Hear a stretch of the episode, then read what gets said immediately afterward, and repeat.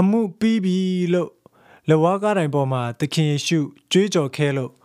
ဒီနေ့သင်နဲ့ကျွန်တော်အတွက်ဘလို့အကျိုးသက်ရောက်မှုတွေပေးနေတယ်လဲဆိုတာဒီအစီအစဉ်မှာဆွေးနွေးဝေငှသွားမှာဖြစ်ပါတယ်အားလုံးမင်္ဂလာပါ JS Skyline Podcast ကနေပြန်လည်ကြိုဆိုပါရစေ။ဘုရားသခင်ရဲ့ညီသက်ခြင်းနဲ့ဝမ်းမြောက်ခြင်းသည်သင်နဲ့သင်မိသားစုအပေါ်မှာတက်ရောက်ပါစေ။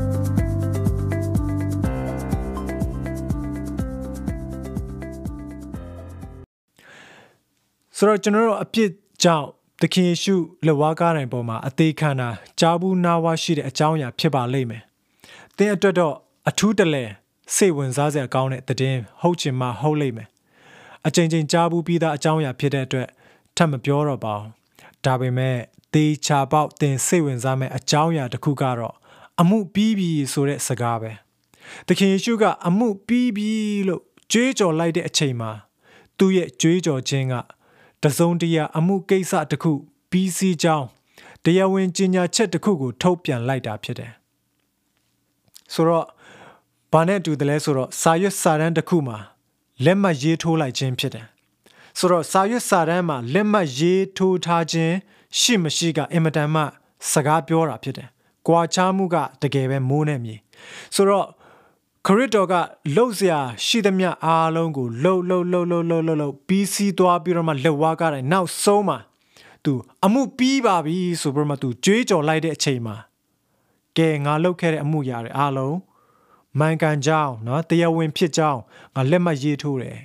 ဆိုတော့ခရစ်တော်ကကြွေးကြော်လိုက်တဲ့အတွက်ကြောင့်မလို့သူတရားဝင်ကြီးညာချက်ထုတ်ပြန်လိုက်တဲ့အတွက်ကြောင့်မလို့အားလုံးဟာတရားဝင်အကျိုးသက်ရောက်မှုရှိနိုင်သောအခြေအနေကို ရောက်ရှိသွားတာဖြစ်တယ်ဆိုတော့အဲ့ဒီအမှုပြီးပြီဆိုတဲ့စကားကိုเนาะမူရင်းဘာသာအင်အာဒီ Greek ဘာသာစကားနဲ့ဆိုလို့ရှိရင် tetelestai လို့ခေါ်ကြတယ်ဆိုတော့ Greek ကုန်သည်တွေကပစ္စည်းဝယ်တဲ့အခါပိုက်ဆံပေးချေပြီးကြောင်းဖြတ်ပိုင်းမှာ tetelestai တစ်စိတ်တုံးခတ်ကြတယ်တရားမျှတဆိုအလဲလေလှုပ်ပြီးသွားပြီဒါမှမဟုတ်ပြည့်ပြည့်စုံအောင်ပေးချေပြီးပြီနော် ပြည့်စုံပြီဆိုတဲ့အတိတ်ပဲရတယ်ဆိုတော့အလုတ်တစ်ခုအောင်မြင်စွာဆောင်ရွက်ပြီးပါပြီเนาะကိုကဈေးဝယ်တဲ့အခါမှာဈေးနှုန်းကိုကြည့်တယ်ဟိုမှာဒေါ်လာ100ဆိုလို့ရှိရင်ကျွန်တော်ဒေါ်လာ100ကိုကျွန်တော်အာဈေးရောက်တဲ့သူကိုကျွန်တော်ဒေါ်လာ100ပေးလိုက်တယ်ပြီးတော့မှအဲ့ဒီပစ္စည်းကိုကျွန်တော်ကရယူလိုက်တယ်ဆိုတော့အလဲအလဲလှုပ်လိုက်တာဖြစ်တယ်เนาะ အလဲလဲလှုပ်လိုက်တယ်ဈေးဝယ်ပြီးသွားပြီเนาะတရားဝင်တရားမျှတစွာအလဲလဲလှုပ်ပြီးသွားပြီဖြစ်တဲ့အတွက်ကြောင့်မလို့ပိုင်ရှင်လဲပြောင်းသွားတယ်ပိုင်ဆိုင်မှုလဲပြောင်းသွားတယ်ဆိုတော့အခြေအနေလုံးဝထူးခြားပြောင်းလဲသွားတာဖြစ်တယ်ဆိုတော့နေရာရွှေ့ပြောင်းခြင်းကိုဒီနေရာမှာကျွန်တော်မြင်တွေ့ရတာဖြစ်တယ်ဆိုတော့ဒီအကြောင်းအရာကိုစဉ်းစားရင်းနဲ့ကျွန်တော်မြန်မာပြည်မှာကိုဒန်တုံးကပေါ့နော်နာဝမတန်ယူပပေဒဘာသာရပ်မှာ ကျွန်တော်သင်ယူတဲ့ work done definition ကိုကျွန်တော်သွားသတိရတယ်။ဘာလဲဆိုတော့အဲ့ဒီ work done ရဲ့အတိတ်ပဲက definition ကဘာလဲဆိုတော့အရာဝတ္ထုတစ်ခုအပေါ်မှာအားစိုက်ထုတ်ပြီးတနေရာကိုရွှေ့ပြောင်းပေးနိုင်တယ်ဆိုလို့ရှိရင်ထိုအရာဝတ္ထုပေါ်မှာ work done အကျိုးသက်ရောက်တယ်တဲ့။ဆိုတော့ career တော်ကအမှုပြီးပြီငါအလုပ်ပြီးပြီလို့ကြွေးကြော်လိုက်တဲ့အခါမှာသူလှုပ်ရမယ့်အလုပ်ကို တနေရာကနေသူရွှေ့ခြင်းတဲ့နေရာကို အောင်အောင်မြင်မြင်နဲ့နော်ပြည့်ပြည့်စုံစွာသူရွှေ့ထားပြီးပြီဆိုတော့တရားဝင်ကြီးညာချက်ကိုသူထုတ်ပြန်လိုက်တာဖြစ်တယ်ဆိုတော့ဒီ work done ရဲ့သဘောတရားကအာဘာကိုပြသနေတယ်လဲဆိုတော့တကယ်လို့များအဲ့ဒီအရာဝတ္ထုအပေါ်မှာနော်အားစိုက်ထုတ်မှုဘယ်လောက်ပဲရှိပါစေနေရာရွှေ့ပြောင်းခြင်းမရှိဘူးဆိုလို့ရှိရင်တော့အဲ့ဒီအရာဝတ္ထုပေါ်မှာ work done အကျိုးသက်ရောက်မှု မရှိဘူးဆိုတဲ့သဘောပဲဖြစ်တယ်ဆိုတော့အဲ့ဒီအနုလက္ခဏာပိုင်းကိုကျွန်တော်စဉ်းစားကြည့်မယ်ဆိုလို့ရှိရင်ခရစ်တော်ကြွေးကြော်ခြင်းကသူအရာဝတ္ထုကို လုံလုံရွှေ့ထားပေးပြီးဖြစ်တဲ့အတွက်ကြောင့်မလို့ခရစ်တော်ရဲ့ကြွေးကြော်ခြင်းကဒီနေ့ကျွန်တော်ရဲ့ standing point เนาะကျွန်တော်ရဲ့ယက်တီမှုကို လုံလုံပြောင်းလဲပေးတဲ့သဘောဖြစ်တဲ့အတွက်ကြောင့်မလို့ကျွန်တော်တို့ဘလောက်ဝမ်းသာစရာ တည်င်းကောင်းဖြစ်တယ်လဲဆိုတော့ကိုကျွန်တော်ဒီနေရာမှာနားလည်ရတာဖြစ်တယ်။ယောမဝါဒစာအခန်းကြီး6အငယ်16နဲ့18မှာရှင်ပေါလုကဘာပြောထားတယ်လဲဆိုတော့သင်တို့သည်အပြစ်တရား၏ကျွန်ဖြစ်ဘူးတော်လဲ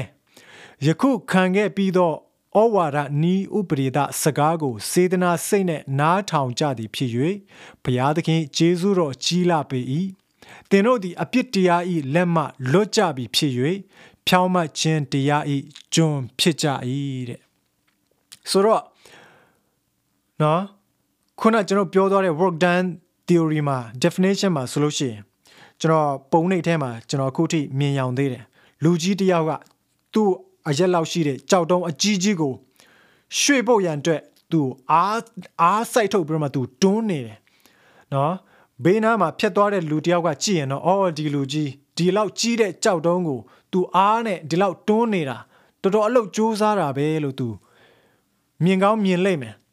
ဒါပေမဲ့ physics သဘောအရဒီလူကြီးကအားစိုက်ထုတ်မှုဘလောက်ပဲကြာရှည်အောင်သူတွန်းနေပါစေသူအားကုန်ခန်းတော့ဘလောက်ပဲစူးစမ်းပြီးတွန်းနေပါစေကြောက်တုံးကိုနေရာကနေမရွှေ့ပေးနိုင်ဘူးဆိုလို့ရှိရင်တော့သူ့ရဲ့အားစိုက်ထုတ်မှုကအလုတ်လုတ်တယ်လို့မတတ်မှတ်နိုင်ဘူးအလုတ်ပြီးမြောက်တဲ့လို့ကျွန်တော်တတ်မှတ်လို့မရဘူး ဆိုတော့နောက်တစ်ပုံမှာဗာပြထားလဲဆိုတော့အဲ့ဒီကြောက်တုံးကိုသူကသူ့ရဲ့အားနဲ့မတွန်းနိုင်တဲ့အတွက်ကြောင့်မလို့အကူကြီးယူပြီးတော့မှအာဒုတ်ချောင်းကလေးနဲ့ဒီလိုကလော်ထဲလိုက်တယ်ပေါ့နော်ဆိုတော့ကလော်ထဲလိုက်တဲ့အခါမှာသူအားဆိုင်ရတာလဲပူအစင်ပြေသလိုအဲ့ဒီကြောက်တုံးပေါ်မှာလဲသူအားဆိုင်ထုတ်တဲ့အတိုင်းနေရာကနေ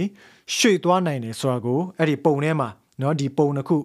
မတူတဲ့ပုံတစ်ခုအားဆိုင်ထုတ်ပုံเนาะအလုတ်ပြီးချင်းမပြီးချင်းဆိုတဲ့ပုံတစ်ခုကိုအာပြရှင်ပြီးမှပြထားတာကျွန်တော်တွေ့ရတာဖြစ်တယ်ဆိုတော့လူတွေကအလုတ်ဘလောက်ပဲစူးစမ်းအားထုတ်နေပါစေရလတ်ကနေရာရွှေ့ပြောင်းခြင်းမရှိဘူးဆိုလို့ရှိရင်အလုတ်ပြီးမြောက်တယ်လို့မသတ်မှတ်နိုင်ဘူးဒါပေမဲ့ဒီနေရာမှာယေရှုခရစ်တော်ကသုံးနှစ်လုံးလုံးเนาะတကယ်တော့သုံးနှစ်မက နော်သူအသက်ရှင်လာတာဆိုတော့ဒါပေမဲ့၃နှစ်အတော်တွင်းမှာသူရဲ့အမှုတော်မြတ်ထဲမှာသူတင်ပေးသမျှလှုပ်ဆောင်သမျှသူပြုခဲ့သမျှအမှုအားလုံးလက်ဝါးကားတိုင်းအထိ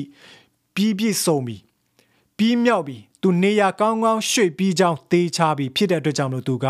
အမှုပြီးပြီလို့သူကြွေးကြော်ဝန်ခံလိုက်တာဖြစ်တယ်အပြစ်တရားရဲ့ကြေးကြုံကနေပြီးတော့မှ ဖြောင့်မတ်ခြင်းတရားရဲ့ဂျုံအဖြစ်ကျွန်ုပ်ကိုနေရရွှေ့ပြောင်းပေးပြီးသွားတဲ့အတွက်ကြောင့်မလို့ယေရှုခရစ်တော်ကငါရွှေ့ပေးပြီးပြီဆိုပြီးတော့မှကြွေးကြော်လိုက်တာဖြစ်တယ်အမှုပြီးပြီဆိုတော့ဒီနေ့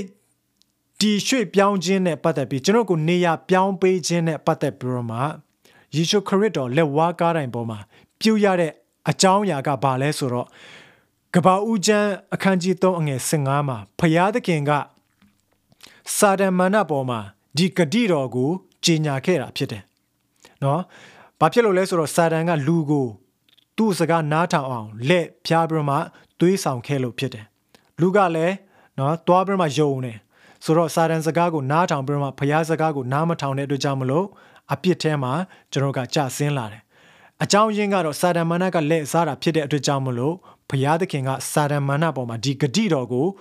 ကြီးညာလိုက်တာဖြစ်တယ် announcement လုပ်လိုက်တာဖြစ်တယ်။အဲ့ဒါကဘာလဲဆိုတော့တင်တဲ့မိမကို၎င်းတင်ရဲ့အမျိုးအနွယ်နဲ့မိမ၏အမျိုးအနွယ်ကို၎င်းငါသည်ရန်ညိုးဖွဲ့စေမည်။သူသည်တင်၏ခေါင်းကိုကြိတ်လိမ့်မည်။တင်သည်သူ၏ဖနှောက်ကိုကြိတ်လိမ့်မည်ဟုမိန်တော်မူ၏။ဆိုတော့ဖျားသခင်ကကနဦးကတဲ့ကလူသားကြဆင်းကတဲ့က ဒီ announcement ကိုဒီကြေညာချက်ကို ထုတ်ပြန်တဲ့အတွက်ကြောင့်မလို့ယေရှုခရစ်တော်ကလက်ဝါးကားတိုင်အထိသူလုပ်ရမယ့်အလုပ်အားလုံးကိုပြီးစီးအောင်သူကထမ်းရွက်ရတာဖြစ်တယ်လှုပ်ဆောင်ရတာဖြစ်တယ်ဆိုတော့တကယ်လဲလှုပ်ဆောင်ပြီးတဲ့အတွက်ကြောင့်မလို့လက်ဝါးကားတိုင်မှာသူကြေညာချက်ကိုပြန်လဲထုတ်ပြန်တယ်ဖျားပေးထားတဲ့ဂတိတော်အားလုံးအမှုကိစ္စအားလုံးငါပြီးမြောက်အောင်မြင်ပြီဆိုပြီးတော့မှလက်ဝါးကားတိုင်မှာ ဒီဂတိတော်နဲ့ပတ်သက်ပြီးတော့မှပြည့်စုံကြောင်းကိုသူကလက်မှတ်ရေးထိုးလိုက်တာဖြစ်တယ်ဆိုတော့ဒီအထီးကဖျားသခင်ဘက်ကပေးထားတဲ့ဂတိတော်ကိုခရစ်တော်ကလူသားအဖြစ်နဲ့သူကြွဆင်းပြီးတော့မှပြည့်မြောက်စုံလင်စေတဲ့သူဖြစ်တဲ့အတွက်ကြောင့်မလို့သူကအာအမှုပြီးပြီဆိုပြီးတော့မှယေရှုခရစ်တော်ကအကျွေးကြော်ကြီးညာလိုက်တာဖြစ်တယ်ဆိုတော့ဝိညာဉ်ရေးရမှာကျွန်တော်ကြည့်တဲ့အခါမှာယေရှုခရစ်တော်လက်ဝါးကားတိုင်ပေါ်မှာပြုတဲ့အမှုရာအားဖြင့် ကျွန်တော်လူသားတွေအားလုံးကနော်ကနဦးအာဒမ်အာဒန်စီကိုကျွန်တော်ပြန်သွားမယ်ဆိုလို့ရှိရင်စာတန်လက်ထဲကနေပြီးတော့မှကျွန်တော်ကိုပြန်လဲရယူပြီးတော့မှဖျားပေးထားတဲ့မူလနေရာ original နေရာကိုကျွန်တော်ကိုပြန်လဲပေးလိုက်တာဖြစ်တယ်ကျွန်တော်နေရာပြန်ရွှေ့ပေးလိုက်တယ်အစကတော့လူကစာတန်စကားကိုနားထောင်ပြီးအပြစ်ထဲကိုကြာဆင်းခဲ့တယ်အဲ့ဒီနေရာကနေယေရှုခရစ်တော်ကပြန်လဲရယူပြီးတော့မှ ဖယားသားဖြစ်ခြင်းဖယားသခင်နဲ့ပြန်လဲဆက်သွယ်ခြင်းဖယားသခင်နဲ့ partnership ပြန်လုပ်ခြင်းဖယားသခင်နဲ့အာပြန်လဲပြီးတော့မှအပေါင်းပါလုပ်ခြင်းဆိုတဲ့နေရာအစ်စ်ကိုပြန်လဲပြီးတော့မှကျွန်တော်ကိုပြန်လဲရွှေ့ပေးလိုက်တယ်ဒီအထီကိုခရစ်တော်ကလက်ဝါးကားတိုင်းမှာအမှုပြီးပြီလို့သူကြီးညာလိုက်တာဖြစ်တယ်ဆိုတော့ကျွန်တော်လူသားတွေအနေနဲ့ခရစ်တော်လက်ဝါးကားတိုင်းပေါ်မှာ လှုပ်ပေးတဲ့အမှုရာကိုယုံသည်ဖြစ်စေမယုံသည်ဖြစ်စေဝိညာဉ်ရေးရာမှာကျွန်တော်အားလုံးနေရာရွှေ့ထားခြင်းကိုခံရပြီးသွားပြီဖြစ်တယ်။ဒါပေမဲ့ဒီနေရာမှာယုံကြည်ခြင်းနဲ့မယုံကြည်ခြင်းကွာခြားမှုကဘာပြန်တွေ့ရလဲဆိုတော့တုတ်တန်ကြခန်းကြီး23အငယ်ခုနှစ်မှာသူသည်စိတ်ထင်သည့်အတိုင်းဖြစ်၏တဲ့လူကသူ့ရဲ့စိတ်ထဲမှာသူစဉ်းစားတွေးခေါ်တဲ့အတိုင်း သူ့ရဲ့အသက်တာထဲမှာဖြစ်တယ်တဲ့ဒါကြောင့်မလို့ကျွန်တော်စိတ်ထဲမှာတွေးထင်တဲ့ပုံစံကျွန်တော်စိတ်နှလုံးသားထဲမှာယုံကြည်လက်ခံထားတဲ့အရာကအင်မတန်မှအရေးကြီးတယ်။ဘာဖြစ်လို့လဲဆိုတော့ဒီယုံကြည်ချက်ဒီခံယူချက်ကကျွန်တော်ဘဝကိုပုံသွင်းပေးနေလို့ဖြစ်တယ်။သင်စိတ်ထဲမှာဘယ်လိုလက်ခံထားတယ်လဲ။နော်လက်ဝါးကားတိုင်းမှာခရစ်တော်ကြွေးကြော်တဲ့အမှုပြီးပြီဆိုတဲ့အရာ။သင်ဘယ်လိုယုံကြည်ထားတယ်လဲ။ဒီအချက်ကသင်ဘဝထဲကို နော်အဲ့ဒီကောင်းကြီးမိန်လားစီးဝင်ဖို့ရန်အတွက်တကားဖွင့်ပေးမလားပိတ်နေမလားဆိုတဲ့အဆုံးဖြတ်ကိုပေးသွားမှာဖြစ်တယ်။သင်ယုံကြည်ခြင်းမယုံကြည်ခြင်းသင်ရဲ့စိတ်နှလုံးသားထဲမှာလက်ခံခြင်းလက်မခံခြင်းဒီအရာကသင်ရဲ့အသက်တာထဲကိုစီးဝင်ခြင်းပိတ်နေခြင်းကိုသူကအဆုံးဖြတ်ပေးသွားမှာဖြစ်တယ်။ယောဟန်ခရစ်ယာန်အခန်းကြီး3အငယ်18မှာသားတော်ကိုယုံကြည်တော်သူသည်အပြစ်စီရင်ခြင်းကိုမခံရဘူးတဲ့ လက်ဝါးကားတိုင်းပေါ်မှာခရစ်တော်ပြုတ်ပေးတဲ့အမှုရာကိုယုံကြည်တယ်ဆိုလို့ရှိရင်ကျွန်တော်အပြစ်စီရင်ခြင်းကနေလွတ်ပြီနော်အပြစ်စီရင်ခြင်းကနေကျွန်တော်လွတ်မြောက်ပြီဒါပေမဲ့မယုံကြည်တော်သူမူကားဖျားသခင်ဖျားသခင်၌တပါးသီးသောသားတော်ကိုမယုံကြည်သောကြောင့်ယခုပင်စီရင်အပြစ်စီရင်ခြင်းကိုခံရ၏တဲ့သင်မယုံကြည်ဘူးဆိုလို့ရှိရင်တော့မယုံကြည်တဲ့အတွက်ကြောင့်မလို့ယခုပင် မယုံကြည်ခြင်းရဲ့အကျိုးကိုရိတ်သိမ်းခံစားရမှာဖြစ်တယ်။ယုံကြည်ရင်တော့အခုပဲခံစားရမယ်။မယုံကြည်ရင်တော့လည်းအခုပဲခံစားရမယ်။ဆိုတော့ကျွန်တော်လူသားတွေကနော်နေ့ရက်စင်တိုင်းမှာပြဿနာနဲ့ကျွန်တော်ကရင်ဆိုင်နေရတော့သူဖြစ်တယ်။မနဲ့မိုးလင်းအတိတရားဝင်လာတယ်မျက်စိဖွင့်တာနဲ့ချစ်ချင်းဘဝရဲ့စိန်ခေါ်မှုကိုကျွန်တော်ကရင်ဆိုင်ရတာဖြစ်တယ်။ ပြဿနာတွေတစ်ခုပြီးတစ်ခုကျွန်တော်ကရင်ဆိုင်ဖြေရှင်းရတာဖြစ်တယ်ဒီနေရာမှာကျွန်တော်အားလုံးကပြဿနာကိုဘယ်လိုဖြေရှင်းတယ်လဲဆိုတော့ကျွန်တော်ရဲ့ယက်တီမှုကအင်မတန်မှအရေးကြီးတယ်ဥပမာပိုက်ဆံတရားရှိတဲ့လူတယောက်ကနော် bill 30ပေးဖို့ရန်အတွက်သူ့အတွက်ဘယ်လောက်မှမခက်ဘူးပိုက်ဆံတရားရှိတယ်ဆိုလို့ရှိရင် bill ပေးဖို့ရန်အတွက်30လောက် တန်တဲ့ bill ပေးဖို့ရန်အတွက်သူ့မှာပါအခက်ခဲမှမရှိဘူးဒါသူ့ရဲ့ပိုင်ဆိုင်မှုကသူ့ရဲ့အခက်ခဲပြဿနာပေါ်မှာဖြည့်ရှင်းရတာလွယ်ခြင်းမလွယ်ခြင်းเนาะဆိုတော့ဖြည့်ရှင်းတဲ့အပိုင်းထားလိုက်ပါတော့စိတ်နှလုံးသားထဲမှာခံစားခြင်းဆိုတော့ဟိုမှာဒီလကုံကြလို့ရှိရင် bill ဒီလောက်ဒီလောက်ပေးရမယ်ငါအလုပ်တဲကနေဝင်လာမဲ့ပိုက်ဆံနဲ့အခုလက်ရှိငါ bank account ထဲမှာရှိတဲ့ပိုက်ဆံနဲ့ အော်ဒီ bill ကိုငါမပေးနိုင်ဘူးဆိုတော့ one နဲ့ချင်းပူဆွေးတော့ကဆိုတဲ့စိတ်နှလုံးခံစားချက်ကပိုပြီးမှလေးလံတာဖြစ်တယ်ပိုပြီးမှကျွန်တော်ကိုဝန်ထုတ်ပိုပြီးမှကြီးမားစေတာဖြစ်တယ်ဆိုတော့ပြဿနာကိုရင်ဆိုင်တဲ့အခါမှာကျွန်တော်ရှိနေတဲ့ကျွန်တော်ရဲ့ရက်တင်မှုကျွန်တော်ရဲ့ position ကအင်မတန်မှအရေးကြီးတာဖြစ်တယ်ဆိုတော့ကျွန်တော်ဖယားသခင်နော်ယေရှုခရစ်တော်အပြင်ပြုတ်လို့ပေးခဲ့တဲ့လက်ဝါးကားတိုင်ပေါ်မှာပြီးစီးသွားတဲ့အမှုကိစ္စကိုကျွန်တော်ယုံကြည်လိုက်တယ်ဆိုလို့ရှိရင် အဲ့ဒီကောင်းကြီးမင်္ဂလာအားလုံးကိုကျွန်တော်ရဲ့အသက်တာမှာခံစားရနေရာရွှေ့ပေးခြင်းရဲ့အကျိုးကျေးဇူးကိုကျွန်တော်ကခံစားရတာဖြစ်တယ်။ဘာနဲ့တူတယ်လဲဆိုတော့ကျွန်တော်အာပိုက်ဆန်ဒေါ်လာ100ကိုတိပေမဲ့မရှိဘူးဆိုလို့ရှိရင်ဘာမှဝယ်စားလို့မရဘူး။ဒါမှမဟုတ်ဒေါ်လာ100ကိုမြင်နေရပေမဲ့အဲ့ဒီဒေါ်လာ100ကကျွန်တော်ရဲ့ပိုင်ဆိုင်မှုမဟုတ်ဘူးဆိုလို့ရှိရင်ကျွန်တော်လိုအပ်တဲ့အခါမှာအဲ့ဒီပိုက်ဆံကိုကျွန်တော် သုံးလို့မရဘူးကျွန်တော်အတိတရားနဲ့တိချင်းကဘာမှအကျိုးမပေးဘူးကျွန်တော်မြင်နေတဲ့သူများရဲ့အသက်တာမှာတက်တေခံချက်တွေများစွာနဲ့ဖြစ်နေတဲ့အရာတွေကိုမြင်နေရတယ်ကြားနေရပေမဲ့ကျွန်တော်ဘဝလိုအပ်တဲ့အခါမှာအဲ့ဒီမြင်အကြမ်းမြင်တွေကအသုံးပြုလို့မရဘူးဘာအားဖြင့်ပဲကျွန်တော်အသုံးပြုလို့ရတယ်လဲဆိုတော့စိတ်နှလုံးဖြင့်ယုံကြည်ခြင်းနှုတ်ဖြင့်ဝန်ခံခြင်းအားဖြင့်သာကျွန်တော်ရဲ့အသက်တာထဲမှာအဲ့ဒီကောင်းကြီးမင်္ဂလာကစီးဆင်းလာမှာဖြစ်တယ် ဒါကြောင့်မလို့ဒီနေ့လက်ဝါးကတိုင်ပေါ်မှာနော်ခရစ်တော်ကလှုပ်ပေးပြီးသွားပြီကျွန်တော်ကိုနေရာရွှေ့ထားပေးသွားပြီဒါပေမဲ့သင်ယုံကြည်လက်ခံခြင်းမရှိဘူးဆိုလို့ရှိရင်သင်ရဲ့ new position ဖြစ်တဲ့ဘုရားသခင်ရဲ့ရှေ့မှာမျက်နှာသာရတော်သူဖြစ်ခြင်းဘုရားသခင်ရဲ့အချစ်မျက်နှိုးခြင်းကိုခံရခြင်းကိုအကျိုးကျေးဇူးကိုသင်ခံစားရမှာမဟုတ်ဘူးအဲ့ဒီအကျိုးမြတ်ကိုသင်ရရှိမှာမဟုတ်ဘူးသင်ရဲ့အသက်တာထဲမှာစီးဝင်လာမှာမဟုတ်ဘူး ဒါပေမဲ့သင်ယုံကြည်တယ်ဆိုလို့ရှိရင်သင်ဝန်ခံတယ်ဆိုလို့ရှိရင်သင်ရဲ့ယုံကြည်ဝန်ခံမှုအတိုင်းသင်ရဲ့အသက်တာထဲမှာအကျိုးကျေးဇူးကိုခံစားရမှာဖြစ်တယ်ဆိုတော့လဝါကားတိုင်းမှာခရစ်တော်ကကျွန်တော်ကိုအပြစ်သားအပြစ်စီရင်ခြင်းခံရမယ်အပြစ်သားရာဇဝတ်သားဘဝကနေပြီးတော့မှဖြောက်မှတ်တော်သူနေရာကိုကျွန်တော်ကိုရွှေ့ပေးတယ်လို့ပြောတဲ့အခါမှာဖြောက်မှတ်ခြင်းဆိုတာဘာလဲဘာဖြစ်လို့လဲဆိုတော့ဖြောက်မှတ်တော်သူသားလင် စိုးစံရမယ်ယောမဝါဒစာအခန်းကြီး9မှာပြောထားတယ်စက္ကန့်မှာထိုမှတပါလူတယောက်သည် ပြစ်မှားသောကြောင့်ထိုတယောက်သောသူအားဖြင့်တေခြင်းတရားသည် အစိုးရ၏ကျေးဇူးတော်၏ကြွယ်ဝခြင်းကို၎င်းဖြောင့်မတ်ရာသို့တွင်ပေးတော်မူခြင်းကို၎င်းခံရသောသူတို့သည်တယောက်သောသူတီးဟုသောယေရှုခရစ်အားဖြင့်အသက်ရှင်လျက်တာ၍စိုးစံရကြလတန်းတဲ့ဖြောင့်မတ်သောသူသားလျင် စိုးစံရမယ်